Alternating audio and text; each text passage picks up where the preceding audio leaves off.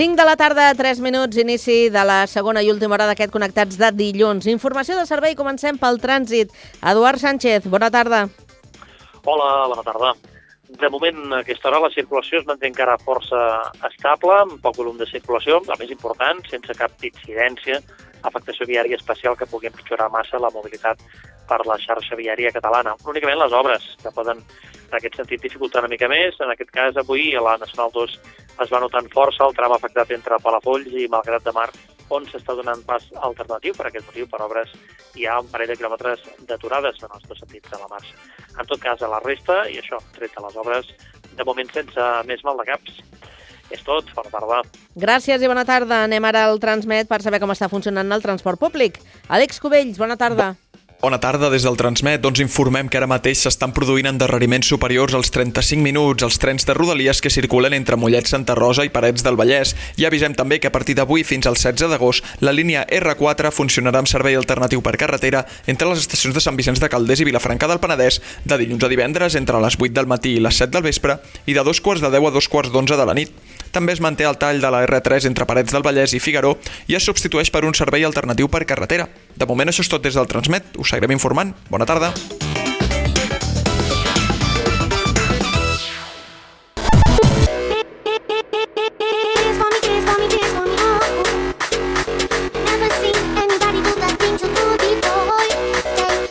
Connectats, una experiència radiofònica a Sabadell, Terrassa, Sant Cugat, El Prat, Castellà i Badalona.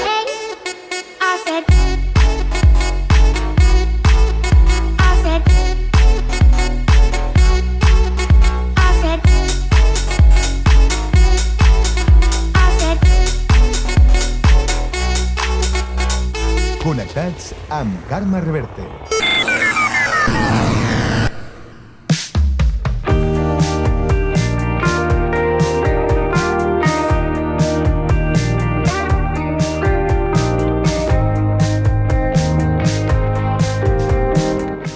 Hi ha persones que deixen empremta i si són arquitectes és evident que ho poden fer a través de les seves obres. És el cas del sabadellenc eh, Xavier Sauquet amb el barri de Candeu i volem parlar amb ell. Pau Duran, bona tarda. Bona tarda, doncs ja el tenim assegut a l'estudi. Xavier Sauquet, benvingut. Gràcies. A veure, que es diu molt ràpid això de, de que el barri de Can Déu tingui 50 anys, però déu nhi eh, mig segle d'una construcció que, bé, va ser una novetat eh, grandiós aquí a la ciutat, no? Sí, va ser una operació, jo crec, ben plantejada. Eh, llavors, eh, aquells terrenys van ser comprats a, a, pel patronat, encara no era Bimusa, pel patronat municipal de l'habitatge a la Caixa d'Estalvis de Sabadell, formava part de la finca de Can Déu. I en principi hi havia, hi havia una qualificació per fer-hi habitatge social de l'ordre de 1.500 habitatges. Nosaltres vam fer el planejament, conscient de que estava a l'extraradi. És a dir, encara no hi havia la Raureda i entre el final de Can Uriac i Can Déu hi havia un espai no edificat. Per tant, la proposta havia de ser una proposta que no creés dèficits de demanda de serveis, que fos autosuficient, i pogués ser amb excedents, de tal manera que fos un reclam eh, pels veïns més propers que no estaven a prop, precisament. És així que va ser super equipat i eh, es va fer una planificació. No, no es va creure oportú arribar als 1.500 habitatges, n'hi ha 1.200, i en la planificació eh, es va concebre com una petita ciutat en què la major densitat estava en els centres, en els edificis tan alts, i eh, els barris estaven al voltant del centre, amb uns espais verds propers a l'edifitatge, en forma de patis, i la resta configuraven el planejament amb, unes, amb una estructura viària molt simple, de tal manera que es potenciava la circulació pel, pel, pel, pel, pel extraradi, pel voltant de l'edificació, i el, la circulació pel centre més a precedir en, en els habitatges. Eh, quan dic superequipat és que estava tot previst hi havia espais eh, de culte, espais socials de reunió, hi havia una piscina per fer esport, eh, els locals es havien assignats a supermercats, farmàcia, estava assignada la farmàcia, hi havia inclús eh, prevista la parada d'autobús, És a dir, eh, en aquest, en aquest sentit era, eh, com et dic, autosuficient, de tal manera que no creés dèficits, que ja n'hi havia prous en l'extraràdio de Sabadell, sinó que més aviat els oferís en els voltants. Eh, es va retrasar l'escola, aquest va ser potser l'aspecte més negatiu, perquè va entrar en el concurs d'urgències de, de, de, de construccions escolars que va promoure l'estat espanyol i en aquest sentit es va inaugurar el, el barri, Can Déu, sense l'escola. Això va ser un, un defecte, però va ser atribuït a que no es va construir pel mateix patronat o pel mateix Ajuntament de Sabadell, sinó que es va cedir el sol aquesta promoció d'escoles de, de, dintre el pla d'urgència que promoua, promoia pròpiament l'estat espanyol. Eh? I clar, no sé si això mm, veu tenir algun model de dir, home, voldríem que s'assemblés a algú que ja coneixíem i tal, i llavors vosaltres us veu encarregada que no faltés cap dels elements per fer aquest concepte total, o, o què us va servir una mica? No, de... no, no, no, no vam seguir cap model, per davant tenia una configuració molt especial, de forma de, de monjeta, i potser el més complicat va ser coordinar els quatre equips. De fet, hi havia quatre equips d'arquitectes, Dos eren del propi Ajuntament, els dos arquitectes municipals, i dos eren foranis. Entre aquests dos estàvem nosaltres, que érem un equip format per quatre persones, que era a Montanyola, en Pedragosa, jo mateix i en Valls. I la, la iniciativa, la redacció i la proposta d'ordenació va ser pròpiament dels dos equips externs de l'Ajuntament. No, no ens vam basar, però sí que teníem una idea clara aquesta eh, que reproduís una petita ciutat i que fos superequipada de tal manera que no creés dèficit, sinó que al contrari, pogués exportar, exportar equipaments, pogués exportar serveis a la resta de, de, de perifèria de Sabadell. I aquest equip, on estava el Xavier Sauquet, com s'havia conegut anteriorment? Oh, història llarga. Vinga, tenim temps. sí. No, ja va ser a final de, de la carrera. Uh, jo tenia bona relació amb Pep Montanyola, que era de Barcelona, i en, en Francesc Pedragosa tenia molta relació amb Xavier Valls. Aquests dos eren de, de Santa Coloma. El, el despatx va estar a Sabadell perquè al fer reformes a la botiga de la Rambla ja vam deixar la darrera planta que, que comercialment no era apropiada per tal de tenir el despatx. La botiga de, de roba Sauquet, de, Sauquet, de la Rambla. Exactament, sí. exactament, exactament, exactament. I llavors eh, pràcticament vam acabar doncs, el, el juny, juliol, i a finals d'any es vam instal·lar ja a, a, a Sabadell. Uh, posteriorment, en Pep Montanyola es va dedicar més a la docència, se'n va anar a Berkeley a fer el doctorat, i vam quedar els tres. D'aquests tres, eh, cap als anys 80, en Valls va creure convenient separar-se i, i fer l'exercici professional sol i per desgràcia va morir en l'atemptat de l'Hipercort. Ostres. I a partir dels 82-83, en Pedragosa i en Valls, vam, ai, Pedragosa i Sauquet van continuar fins al 2005 pràcticament, en què llavors van fer el, en Roger Sauquet, el meu fill havia acabat, i van fer, ell es va jubilar, se'n va anar, i en Roger Sauquet i jo mateix vam fer una societat professional. I, I això de que el fill eh, agafi una mica l'herència familiar com a mínim acadèmica, no? Que, que com se li posa un? No, bé, bé, una satisfacció. Passa que sempre tens el contrapès. perquè la família ja, ja havia sigut alumne, perquè jo des de l'any 79 vaig donar classe a l'Escola d'Arquitectura del Vallès i per tant primer el vaig tenir d'alumne i després el vaig tenir de, de company de professió. Però bé, mm, jo sempre, des d'aquell ha pres la iniciativa jo he estat en un segon pla, li he ajudat eh, amb el que hem pogut i el que ell ha necessitat i en aquest sentit no, no hi ha hagut mai problemes. Valoro molt la, les seves capacitats i, i la seva manera de treballar i, fi, fins que pràcticament l'any 2000 potser 2017, abans de la pandèmia, ja es va dissoldre la societat i ell ha seguit sol. No? Segurament vas exercir aquesta funció referencial per ell. Podríem dir que per tu ho va ser l'Oriol Buigas? Bé, en aquell, en aquell moment nosaltres, els joves, ens emirallaven... Bueno, a nivell, a nivell espanyol i català, evidentment, amb en, amb en Martorell, Mec i Martorell Buigas, era un referent, sobretot per la seva arquitectura realista, cosa que ens entusiasmava, però les línies les marcava llavors Itàlia. Moviment italià, eh, portat per la revista Casabella, i teníem dos punts de mira, diríem, no? L'italià, que era una línia de disseny racionalista, eh, molt coherent, i per altra part la catalana, evidentment, per part d'Oriol Buigas. I la línia Buigas, eh, què seria més aviat? El, el tema de materials, potser? O he llegit alguna cosa com més directa? Sí, sí, era una, una arquitectura feta amb materials d'aquí, sobretot amb, amb maons, amb maons i, i bueno, molt sense exuberàncies, molt propi d'aquell moment el racionalisme, de que la forma seguia la funció, bàsicament la planta marcava doncs, la, la configuració del, del, de l'edifici i la façana era una expressió del que passava a l'interior d'aquest edifici. Nosaltres vam mamar aquestes línies ja des de la carrera, ja vaig acabar el 64, i, i bé, eh, aquest és el nostre referent. Després tot això va anar evolucionant i, bueno, com totes les coses, no?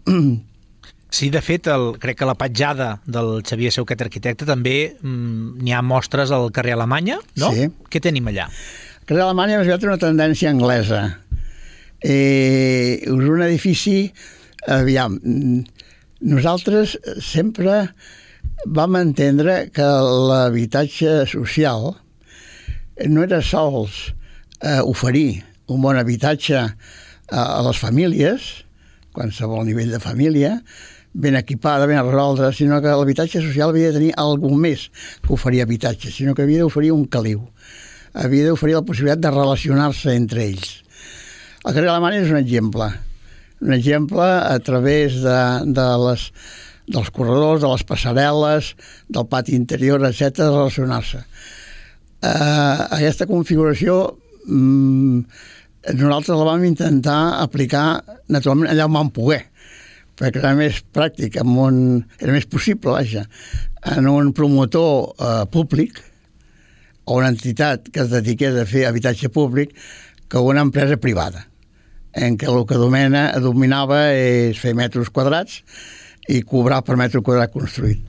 Vull dir, metro quadrat que no fos útil, apropiable, no era valorable, i per tant aquests plantejaments a la iniciativa privada no els interessava massa.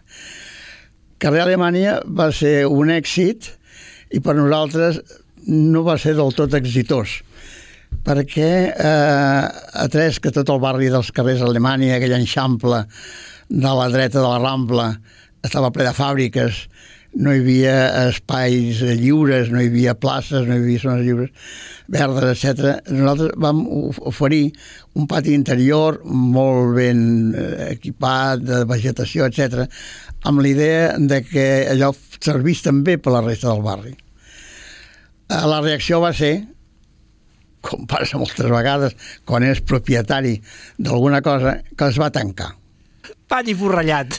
Es va tancar. I llavors, bé, en gaudeixen molt, són una gent fantàstica, eh, no han fet cap reforma que no els hagin consultat, han celebrat en èxit allà sí els 50 anys, perquè a eh, Can Déu va ser del Sant 73, però el, lo de, lo de Carrer Alemanya va ser el 69, per tant ja fa dies que van fer el 50 aniversari, eh, s'ha conservat molt bé, eh, m'inviten als actes que fan, eh, serveix per fer barbenes de Sant Joan, etc. Hi ha molt bon alberga, però aquest ambient, jo penso, perquè això podria passar amb altres bobs, blocs que hi hagin molts habitatges, em sembla que els amants ha 66, sembla que n'hi ha.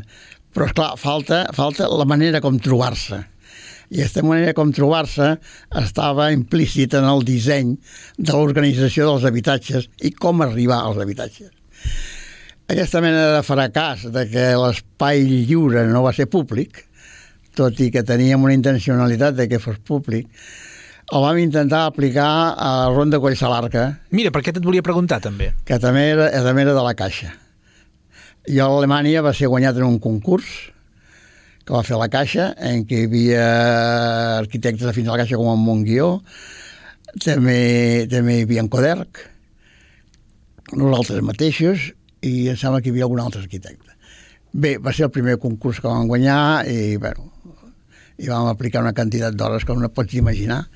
Inclús vam fer una aportació perquè per la disposició dels, eh, de les habitacions es podien fer més o menys habitacions a través d'un envà que era mòbil. Carai. Això després s'ha- s'ha realitzat eh, en forma prefabricada, però vam, vam predisposar d'un tipus de, de, de separació, que de fet era un armari, que es podia córrer i atès a la disposició de les finestres, amb un espai podies fer, eh, podies fer dues o podies fer tres habitacions, segons t'interessis.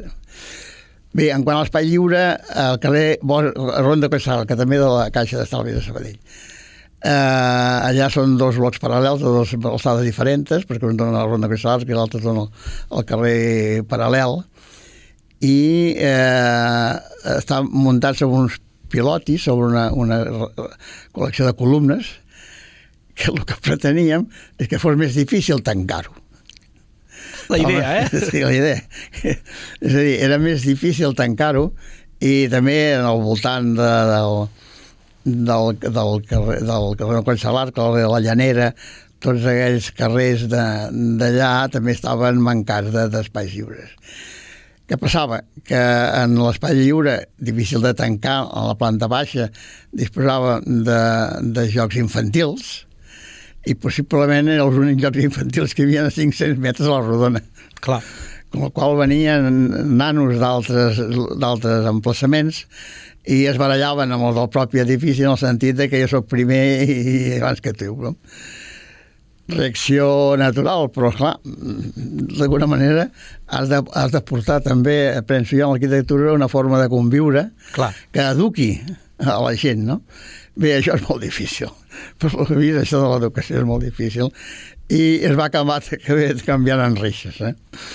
Eh, Ja hi havia una sèrie també de passarel·les que s'organitzaven, alguna d'elles a la quarta planta servia per relacionar-se amb l'altre bloc i donava a la coberta, però, eh, clar, les cobertes eren extenedors i aquesta facilitat a través de les passarel·les arribar als extenedors era una mica una mica delicada, perquè podien desaparèixer llençols, no? I també es va acabar tancant els accessos. O sigui, en aquest sentit, de fer un, un, un bloc eh, l'estil de la Casa Bloc eh, eh, de, de, de Barcelona, eh, del d'Encert, d'en Josep Lluís Cert, doncs d'alguna manera també va fracassar. Tot i així ens queda l'agraïment que han expressat els veïns d'aquestes diferents uh, situacions d'habitatge i que bona prova és això que ens explicava el Xavier, que encara a dia d'avui és convidat en, en aquestes celebracions de les efemèrides. Xavier Soquet, gràcies per venir al Connectats. Moltes gràcies per convidar-me.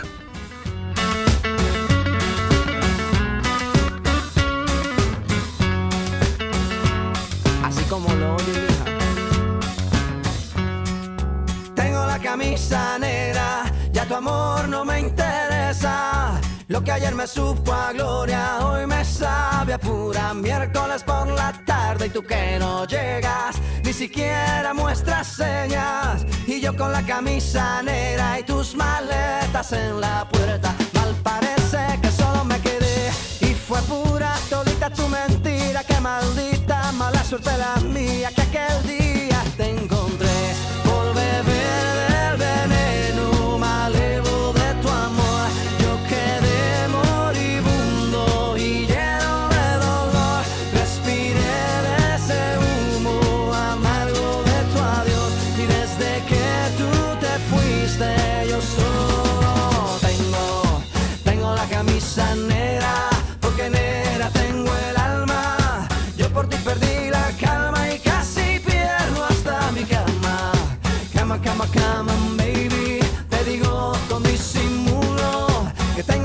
Nissan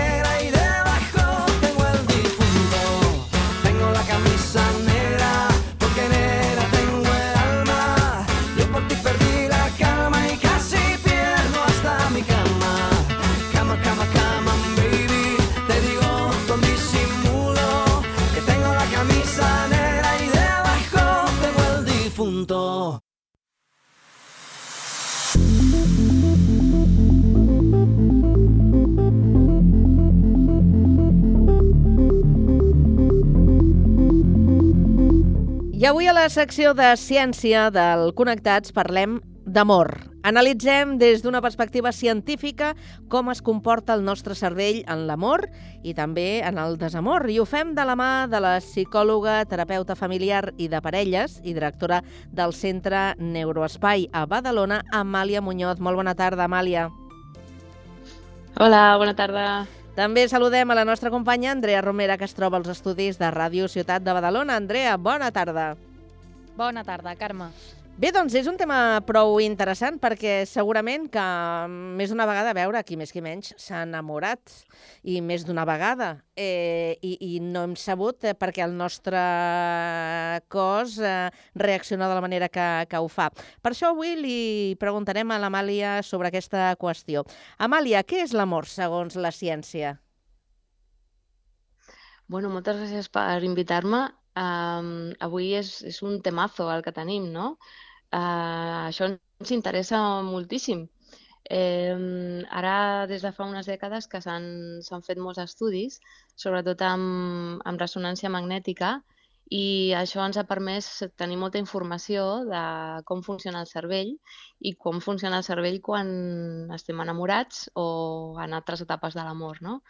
Eh, en tot cas, jo diria, molt resumit, que l'amor és com una explosió de connexions neuronals que s'activen a gairebé tot el cervell. No? És com un festival neuronal, però que especialment activa diferents àrees com, bueno, per no entrar molt en detall, no? però l'àrea tegmental ventral, l'hipotàlam, el nucli accumbens i altres àrees que són vitals en el funcionament del cervell. Eh, si poguéssim resumir eh, una miqueta tot això no? a nivell evolutiu, diríem que el cervell es divideix en tres parts, el cervell reptilià, que és l'àrea més interna, el cervell emocional, que és la capa que hi ha després, i després el cervell cognitiu, que és l'àrea més nova i més evolucionada. Tot, totes aquestes parts eh, entren en funcionament quan estem enamorats. I quan ens desenamorem, també? També. Eh, diguem que eh, hi ha diferents qüestions que estan ubicades en diferents parts, no? i aquestes parts eh, s'activen més o menys segons el que ens passa.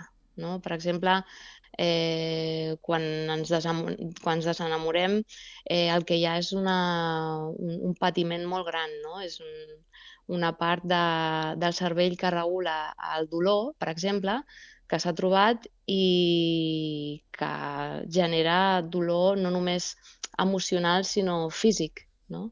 Mm. Tot això en, en, un, en un període de temps molt, molt intens.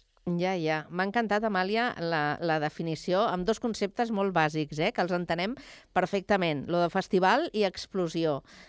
El festival neuronal és, és, que, és una descripció que, que jo crec que és super encertada. Eh, per cert, quines hormones segrega el cervell quan, quan estem enamorats? Doncs, per exemple, um, hi ha, hi ha, la, hi ha una, un, una investigació, unes investigacions de la doctora Fisher, que és la més coneguda en aquest camp, que ha fet molta investigació de l'efectivitat, de l'amor i de les relacions entre humans. No? I, i la, la Helen Fisher eh, distingueix difer diferents seccions de l'amor. No? Ella fa eh, la diferència entre l'impuls sexual, no? és aquesta etapa més eh, de conèixer algú, no? Mm. Eh, la zona més activa en aquest cas seria l'hipotàlam i sobretot el que funciona és la, la hormona testosterona en aquest, en aquest sentit. Eh, després està la fase de l'enamorament, no? que és l'amor romàntic que es coneix, no? i s'ha observat que en, aquest, en, aquest, en aquesta fase Uh, el que passa és que els nivells de serotonina baixen. Eh, els nivells de serotonina baixa s'han trobat que correlacionen també amb situacions com, per exemple, eh, el trastorn obsessiu-compulsiu, la depressió o altres trastorns d'ansietat. És on la, la serotonina baixa i llavors els símptomes eh, correlacionen això amb obsessions, amb tristesa, amb nervis, amb angoixa, i aquestes tres qüestions es troben fàcilment en diferents fases del, de, de l'enamorament i del desenamorament. Mm. Amàlia, tota aquest, aquesta segregació d'hormones moltes vegades es compara amb el consum de determinades drogues. Hi ha la famosa frase aquesta de l'amor és com una droga. Des del punt de vista científic, fins a quin punt seria certa aquesta frase? Lo important és, bueno, això és, és, és divertit, no?, perquè es troben correlacions eh, que eh, permeten explicar diferents qüestions en diferents àmbits, no?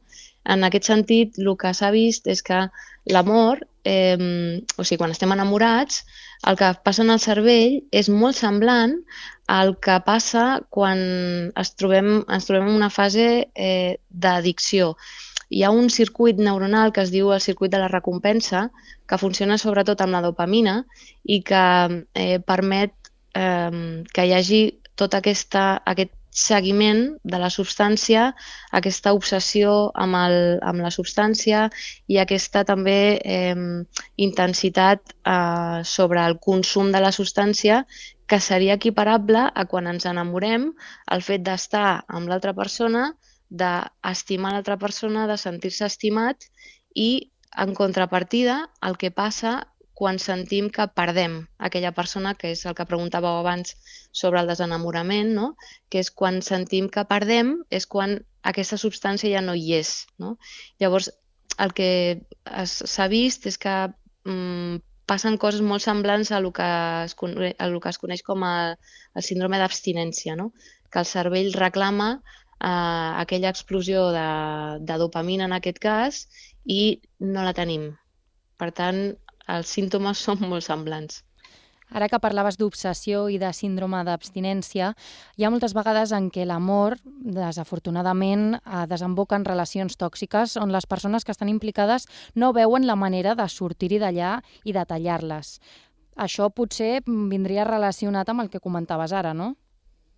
Sí, de fet, hi ha un... Bueno, a mi m'agrada, sempre faig referència a, a l'Ortega i Gasset, que deia que l'enamorament és un estat d'imbecilitat temporal transitòria. Perquè quan, quan ens enamorem no pensem bé. De fet, eh, tot el sistema prefrontal, que és el que ens ajuda a prendre decisions, a planificar eh, i a pensar i raonar, eh, està hipoactiu, és a dir, que no funciona bé. Eh, per tant, eh, en, de, de fet, en, en la nostra cultura tenim tenim un, un dels contes que en, ens prevé d'això, ens diu que enamorar-se és molt perillós, no? Eh, per exemple, Romeu i Julieta, no? Eh, I ens explica molt bé que enamorar-se eh, és, és molt perillós, no? Eh, llavors, quan eh, ens, ens enamorem i desenamorem, tot això que passa eh, té moltes conseqüències en les relacions, no? Que deies amb, amb el tema de, de relacions tòxiques, per exemple, no? A mi m'agrada molt, hi ha un psicòleg que, que es diu Arun Mansukani que parla de relacions verticals i horitzontals. I això, molt resumit, vol dir que eh, el poder i la presa de decisions eh, a la vida i a les relacions ha d'estar d'alguna manera equilibrat. I depèn de dues coses. Una és de l'autonomia i l'altra de la intimitat. No? Eh, tenint en compte que l'ésser humà és l'ésser més dependent de tots els animals que habita la Terra, eh, quan una relació és sana és quan és el que s'anomena interdependent, no? Uh -huh. que dona i rep de la mateixa manera. Si això no es treballa, no? l'enamorament per si sol no farà que una relació estigui equilibrada, sinó que no serà horitzontal, sinó que serà vertical un tindrà més poder o tindrà més capacitat de prendre decisions i la intimitat i l'autonomia no estaran regulades en aquest sentit. I caure en aquest tipus de relacions és el més fàcil que pot passar. Ara que ens parles de dependència, s'ha posat molt de moda, sobre, sobretot a TikTok i xarxes socials que surten aquests tiktokers psicòlegs, el concepte inclinació ansiosa, en castellà apego ansioso. A veure si ens podries explicar una mica què és i en què consisteix. Sí, el, el, el tema de, de l'apego o de l'aferrament no? que, que es coneix eh, no és ben bé que, que sigui un... O sigui, no, els, els adults no tenim un tipus d'apego només, no? sinó que hi ha diferents eh, formes de relacionar-se eh, depenent de, de, la, de la situació que vivim o de la, de la persona que tenim al davant. No? Llavors, la, diguem que l'aferrament és una, una estratègia, un, un tipus d'aferrament o d'apego seria aquest l'ansiós, eh, però sobretot el que converteix eh, l'aferrament en una relació tòxica és el que es coneix com a complementarietat. No? És a dir, jo escullo la meva parella des de la necessitat o des de la meva carència. Clar, això en un primer terme mm, m'anirà superbé perquè complementarà allò que em falta, però si no es treballa, com dèiem abans, eh, això farà que això vagi a més i cada cop jo tindré eh, menys poder o més dependència i, i l'altra persona tindrà més poder i tindrà més dependència sobre mi. Per tant, eh, clar, és complicat, sobretot a la primera fase de la, de, de la vida on comencem a tenir parelles, no? Les primeres parelles acostumen a ser parelles escollides des d'això, no? Des de la carència o des de la falta d'alguna cosa. I que entrin amb una dependència eh, és bastant lògic, no? Bastant natural, per dir-ho d'alguna manera. Uh -huh. Al principi parlaves de les fases que hi ha en l'amor. La primera és l'enamorament aquest més sexual, comentaves, després ja es passava a un amor romàntic. Per què es dona aquest pas? I quina és la diferència entre un i l'altre? Perquè moltes vegades es dona que la gent es pensa que s'ha desenamorat, no? que com ja no sent aquelles papallones a l'estómac, que també després et vull preguntar per a aquest concepte, es pensa que ja no sent res, que s'ha desenamorat i que per tant la solució és trencar amb la relació que té. Sí, bueno, diguem-ne que el, el problema és que pensem que l'amor romàntic és per tota la vida. en realitat, eh, el que s'ha trobat és que aquest, aquest funcionament no, de, de l'estat de, de l'enamorament, eh, com que forma part d'una sèrie de funcionalitats eh, a nivell cerebral, dura uns dos tres anys aproximadament. De fet, hi ha un, hi ha un llibre molt divertit que es diu eh, L'amor dura tres anys, que és del, del Frederic Beigbeder. Eh, és un llibre que, que val molt la pena, perquè aborda aquest tema des d'un estat més, eh, com més divertit, no?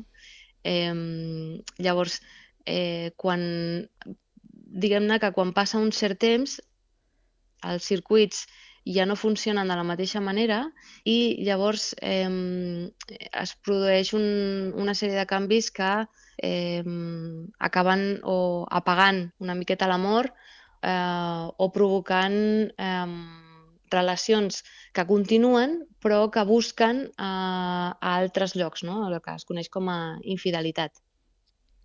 Es perden una mica aquestes papallones que sentim a l'estómac, que deia abans, que per cert, què són aquestes papallones científicament? Com s'explicarien? Sí, el, el concepte de, de les papallones és, és també molt divertit, no? Eh, té a veure, eh, bueno, ara es coneix i cada vegada està més eh, en, en la cultiria popular, no? que l'estómac no? o, o els budells a la zona abdominal és on tenim el, el segon cervell. No? I, I aquí és on hi ha moltes connexions, s'han trobat circuits neuronals eh, tant al, al, a la part intestinal eh, de la mateixa manera que hi ha el cervell. No? Hi ha neurones, hi ha circuits neuronals, hi ha neurotransmissors que treballen. No? Llavors, hi ha moltes connexions entre, entre el cervell i l'estómac. No? Llavors, quan tenim això de les, de les papallones a, al, al, a l'estómac, no? és un, eh, forma part de, de lo que dèiem abans, d'aquest festival. No? És una, una, un desencadenant a nivell físic que produeix una sèrie de neurotransmissors que s'alliberen mm, com de forma, en forma de cascada eh, per un estímul extern o, o el que sigui i ens produeix aquesta sensació. Jo moltes vegades eh, la, la comparo amb aquesta sensació que tenim quan, quan ens muntem amb, amb una muntanya russa i, i fem una, una caiguda molt, molt heavy. No? És una sensació eh, que ens posa en alerta, però de manera molt intensa i és, és aquesta, aquest fenomen que tenim al, a, a la zona abdominal. Amàlia, com que ens han quedat algunes qüestions eh, pendents i el tema és eh, interessant i tu ens el presentaves super eh, eh, eh, capdalt al principi de, de l'entrevista, et convidarem perquè un altre dia puguem continuar aquesta conversa i avui de moment ho, ho deixem aquí. Et sembla? I tant, encantadíssima. Doncs Amàlia Muñoz, psicòloga, terapeuta familiar i de parelles i directora del Centre Neuroespai de Badalona. Moltíssimes gràcies i bona tarda. Gràcies a vosaltres. Gràcies, Andrea. Bona tarda. Bona tarda.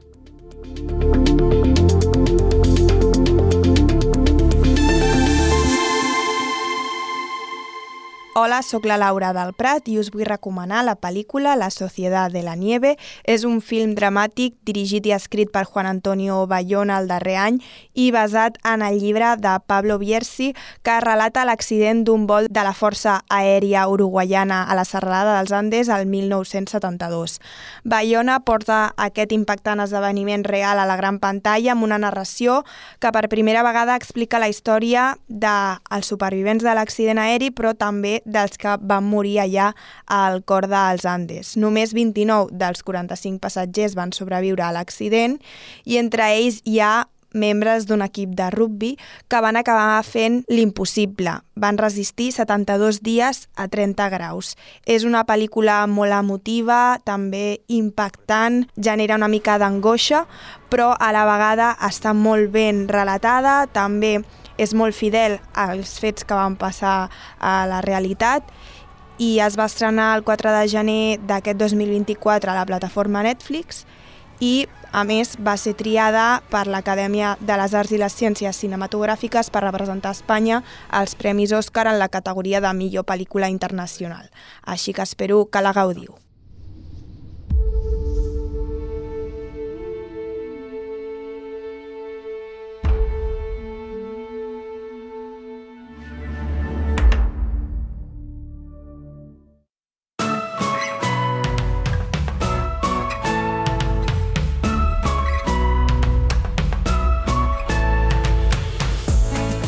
L'Arxiu Municipal del Prat de Llobregat recupera la memòria de la defensa republicana durant la Guerra Civil.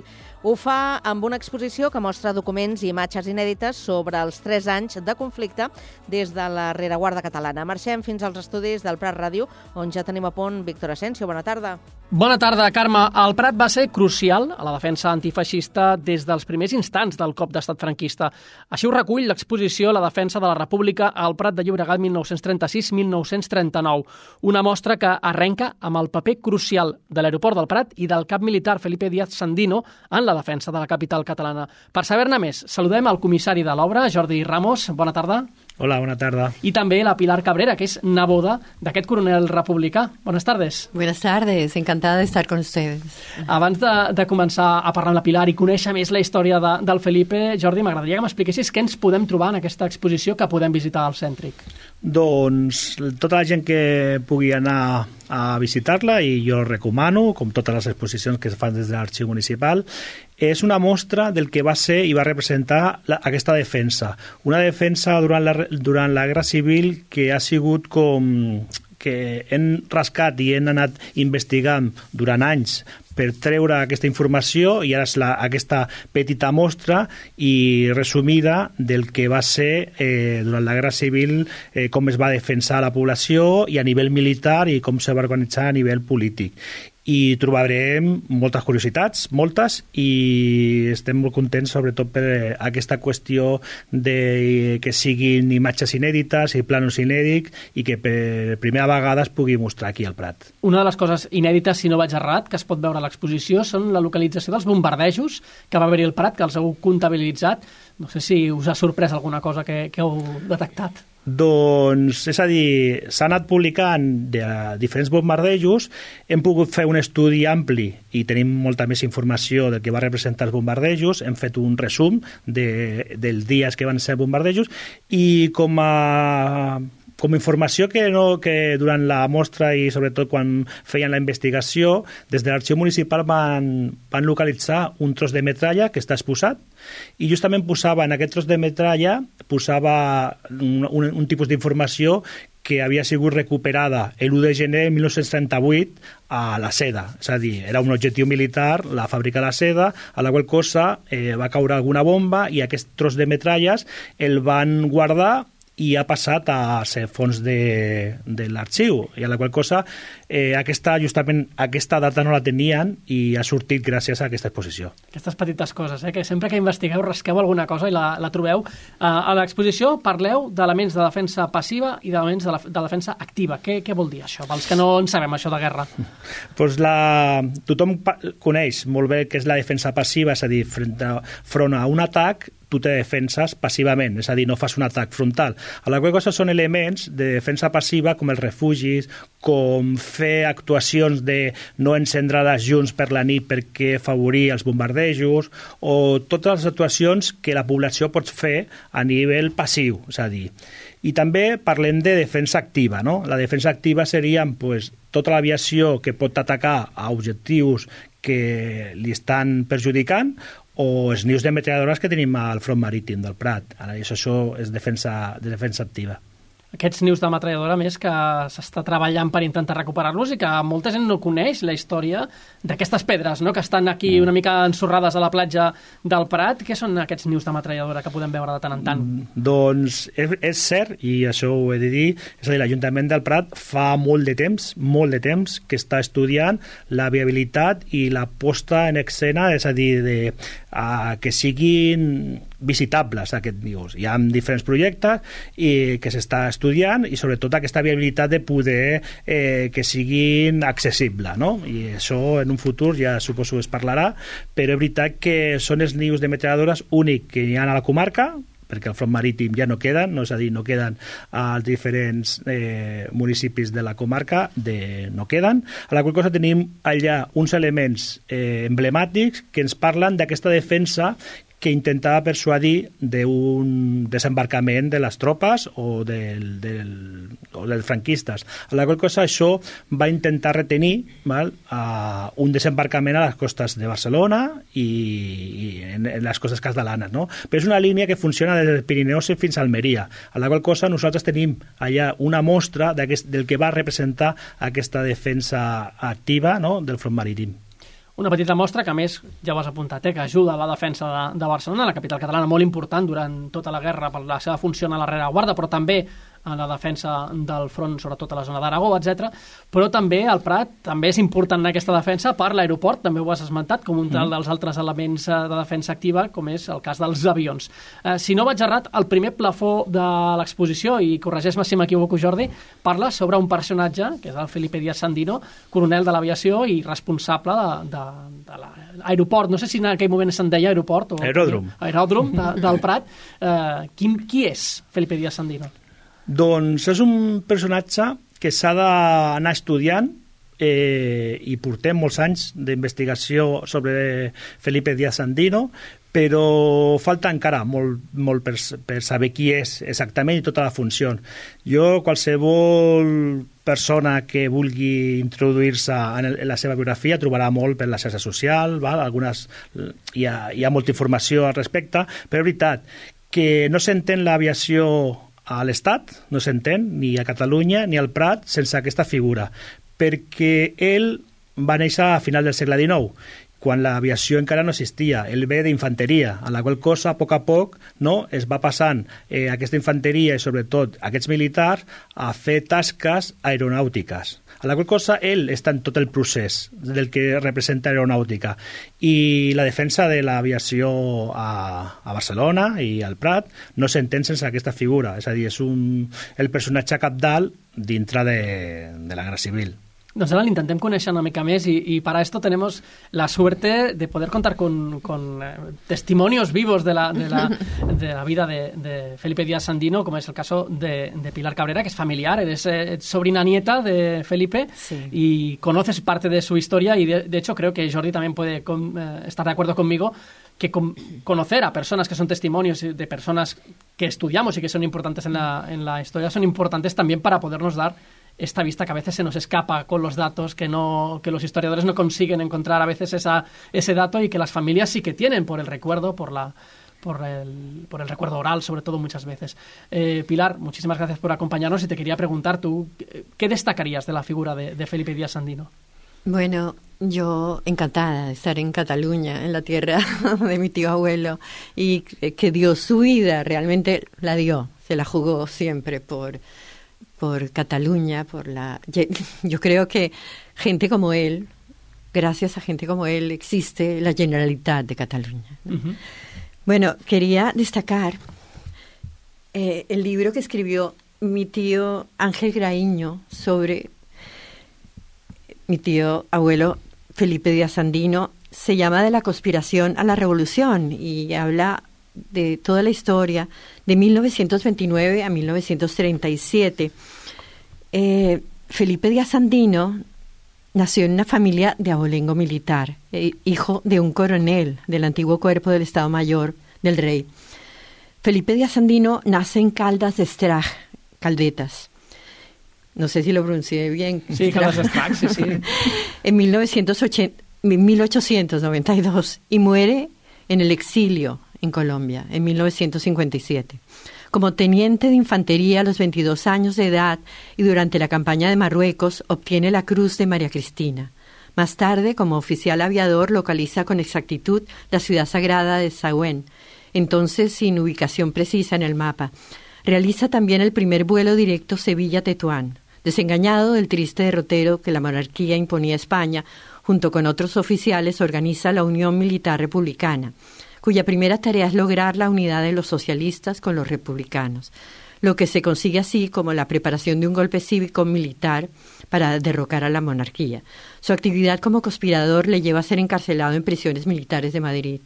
Interviene muy activamente en la proclamación de la Segunda República, durante el llamado Bienio Negro y en el movimiento revolucionario de octubre de 1934, como jefe de la Tercera Región Aérea, se niega a cumplir las órdenes del gobierno de que bombardee el Palacio de la Generalitat, lo que nuevamente le lleva a ser encarcelado esta vez en el castillo de Montjuic.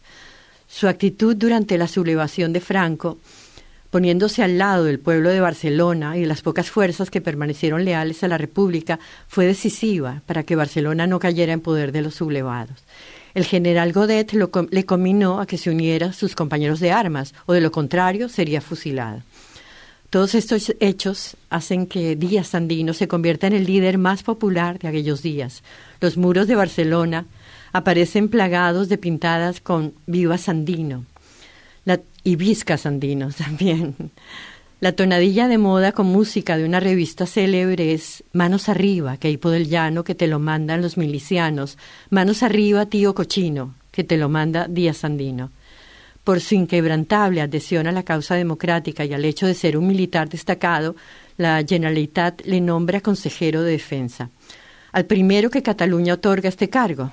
Desde este punto dirige el Frente de Aragón y logra avances de las líneas republicanas. Debido a que Sandino no pertenece a ningún partido político, pues solo es un militar amante de la libertad y la república, es enviado como agregado aéreo y militar a la Embajada de España en París. Desde este puesto logra informaciones que le permiten advertir al gobierno de las operaciones militares que planean los faciosos. Alarmado por la próxima derrota de la República, solicita permiso y regresa a Barcelona para correr la misma suerte de los que luchan en las últimas defensas. Cuando el enemigo había ya tomado el aeropuerto de Barcelona, el Prat, el subsecretario de Aviación, Núñez Maza, se acuerda que tiene que operarse y nombra a Díaz Sandino secretario general. Su misión, evacuar la aviación en pocas horas. Cumplida la misión, espera la orden de pasar a Francia, lo que hace rodeado de sus ayudantes y se entrega a las autoridades francesas, quienes le envían al campo de concentración de Argel-sur-Mer, de donde logra fugarse y llegar a República Dominicana. Viajó en el barco Bretaña con toda su familia. Quiero contar en ese paréntesis que eh, el pueblo de Barcelona, le había regalado eh, un coche hispano-suiza. Y él, eh, al final, cuando ya se perdió la guerra, eh, huyó con el hispano-suiza y lo venían persiguiendo las tropas franquistas y él arrojó el coche antes que lo cogieran las tropas por los Pirineos. Más, más tarde viaja a Venezuela. Allí la Embajada de España le denuncia como elemento peligroso y es encarcelada. Fuerzas democráticas consiguen que las autoridades venezolanas le expulsen a Cuba, donde las organizaciones masónicas le prestan ayuda. Él era masón también. Muy típico también entre, entre las altas esferas de la época, ¿eh? No es una cosa... Sí, y, y además eh, en el fondo también era un poco anarquista, ¿no? Digo que... Eh, curiosa esta combinación ¿eh? de militar y Sí, anarquista. No sé mi- si era eh, técnicamente anarquista, pero si veíamos los Viva Sandino, que seguramente Sí. más de un anarquista escribía, eh, siendo militar sorprende. ¿eh? Y yo creo que eso, por eso, por esa, por esa actitud de él, de no afiliarse a ningún partido en especial, ser un poco anarquista, republicano, pelear por la justicia, logró unir a las fuerzas, a todas las fuerzas en ese momento, ¿no? Bueno, al final, eh, pasado un tiempo regresa a Santo Domingo. Es detenido en una escala y autoridades estadounidenses le inca- se incautan de parte de sus escritos y documentos los más importantes por desgracia, escri- documentos históricos. En Jamaica de nuevo es interrogado. Va a Costa Rica y allí consigue trabajo. Después va a Colombia a unirse con su familia también exiliada. Viaja a Chile, en donde permanece por algún tiempo. Pasado este vuelve a Bogotá, a Colombia, y allí muere. Muere muy triste porque siempre añoró Malauradament ens quedem ja sense, sense temps, arribem al final de l'entrevista, però eh, us recomanem moltíssim que aneu a veure aquesta exposició, La defensa de la República al Prat de Llobregat 1936-1939, on tindreu una pinzellada de la vida de, de Díaz Sandino, però també de com es va defensar la, la República, y también, eh, si me permites, eh, también podremos recomendar este libro donde se explica Sí. en buena parte la biografía de Felipe Sí. Díaz Sandino, que es de la conspiración a la revolución 1929-1937, un ensayo eh, que habla precisamente de la, de la vida de, de Felipe Díaz Sandino. Y la historia, y la historia, de España y de Cataluña. a través de los ojos Sí, también de, de de- este, este Él, eh, eh, su, su sobrino, que era también aviador. Así que tenía también conocimiento de Sí, causa de total, todo. ¿no? Muchísimas gracias, eh, Pilar, por habernos acompañado hoy, por habernos dado esta pincelada de, de quién era tu tío abuelo y que nos ha acercado mucho esta figura eh, conocida, pero también a la vez eh, muy, muy desconocida por, por el grueso de la población. Jordi, també moltíssimes gràcies per avui estar, ser amb nosaltres. Uh, recomanem una altra vegada veure aquesta exposició i ens seguirem veient aquí als micròfons del Prat Ràdio quan faci falta. Moltes que vagi gràcies. molt bé, bona tarda. Tarda, Adiós, buenas bona tardes. tarda. Muchas gracias, un abrazo.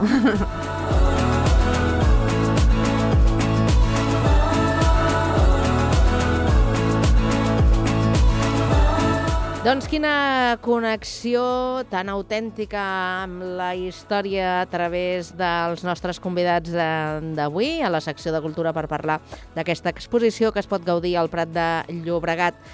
Gràcies als companys, gràcies a vosaltres que ens heu acompanyat demà més, edició de dimarts del Connectats, com sempre, a partir de les 4 i 3 minuts. Fins aleshores acabeu de passar molt bona tarda.